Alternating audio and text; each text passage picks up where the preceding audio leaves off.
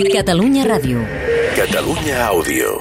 Som podcast. Вооруженными силами Российской Федерации продолжено нанесение ударов Если бы высокоточного феврале. оружия большой дальности La guerra al dia. морского базирования Amb Domènec Sobirà.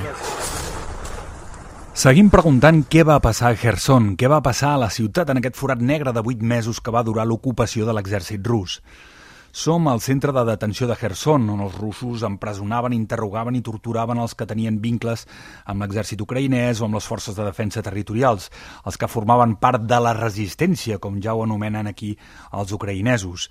Aquí hem parlat amb en Maxim, ja ho hem explicat, un resident de Kherson que va combatre contra els russos a la guerra del 2014. Vuit anys després, aquells mateixos soldats l'han agafat al seu poble, li han tapat el cap amb una caputxa i l'han tancat en una cel·la on l'han interrogat i torturat durant dies.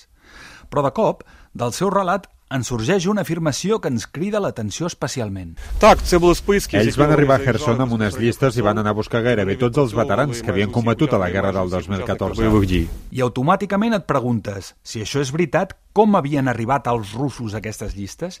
Qui va fer aquestes llistes amb els noms dels excombatents ucraïnesos del 2014? I qui els va entregar als russos? Podria haver estat un espia rus, o podria haver estat un ucraïnès col·laboracionista? Tampoc seria tan estrany, remenant una mica algunes xifres, abans de la guerra de Kherson hi havia una mica més d'un 14% de residents d'origen rus, i la xifra era més alta, em diuen, si parlem de russòfons, ucraïnesos de parla russa, de cultura russa, partidaris, si més no, del govern de Moscou. No és que haguem vist moltes pel·lícules, només estant una mica al cas de l'actualitat saps que això passa. De fet, passa qualsevol guerra i per nosaltres és fàcil recordar, potser, històries similars de la guerra civil, ens les han explicat, de la dictadura a casa nostra. Ara és el torn d'Ucraïna. A mesura que s'han anat alliberant territoris i s'han començat a investigar les detencions, les desaparicions, les tortures o els assassinats, també s'ha començat a buscar el delator, el traïdor, el col·laboracionista.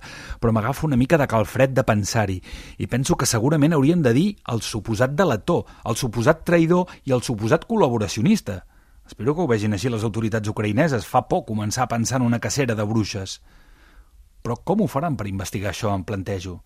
I la resposta que em dona la viceministra d'Afers Interns ucraïnesa, Mary Akopian, no sé si em deixa gaire tranquil. Mostly right now we are uh, we are Majoritàriament ens basem en el testimoni de la ciutadania, uh, la gent d'aquí, que va veure què passava i que tenien relació amb la gent que oferia qualsevol tipus de suport a l'ocupant. De fet, el procediment és que si hi ha un sospitós perquè algú l'ha assenyalat, m'expliquen, l'investiguen a les xarxes, a Twitter, Telegram, que aquí és la xarxa més popular, Facebook, revisen fotos, vídeos, comentaris... Però, és clar, si estem parlant d'un lloc on no hi ha hagut cobertura durant dies i setmanes, aquest mètode potser no aportarà gaire. I, ens ho diu ella mateixa, la viceministra, la font d'informació principal són els veïns i les veïnes, la gent que més o menys podia conèixer aquell suposat col·laboracionista un tema més que delicat i ens dona la raó un article que llegim mentre descansem una estona al web de la Fundació Open Democracy, que explica el cas de milers de ciutadans ucraïnesos que van quedar atrapats a Donetsk i a Lugansk, al Donbass, en l'inici de l'ofensiva russa. Segons l'article, l'exèrcit rus els va reclutar per la força, doncs, eh, tant si els trobaven a la feina, al carrer o fins i tot al transport públic, diuen, i els van enviar a lluitar al front contra els soldats ucraïnesos. Alguns, aleshores, van ser ferits o van ser capturats i ara l'administració ucraïnesa els vol jutjar. A veure, segur que hi havia combatents prorussos. Això mm, fa temps que se'n parla.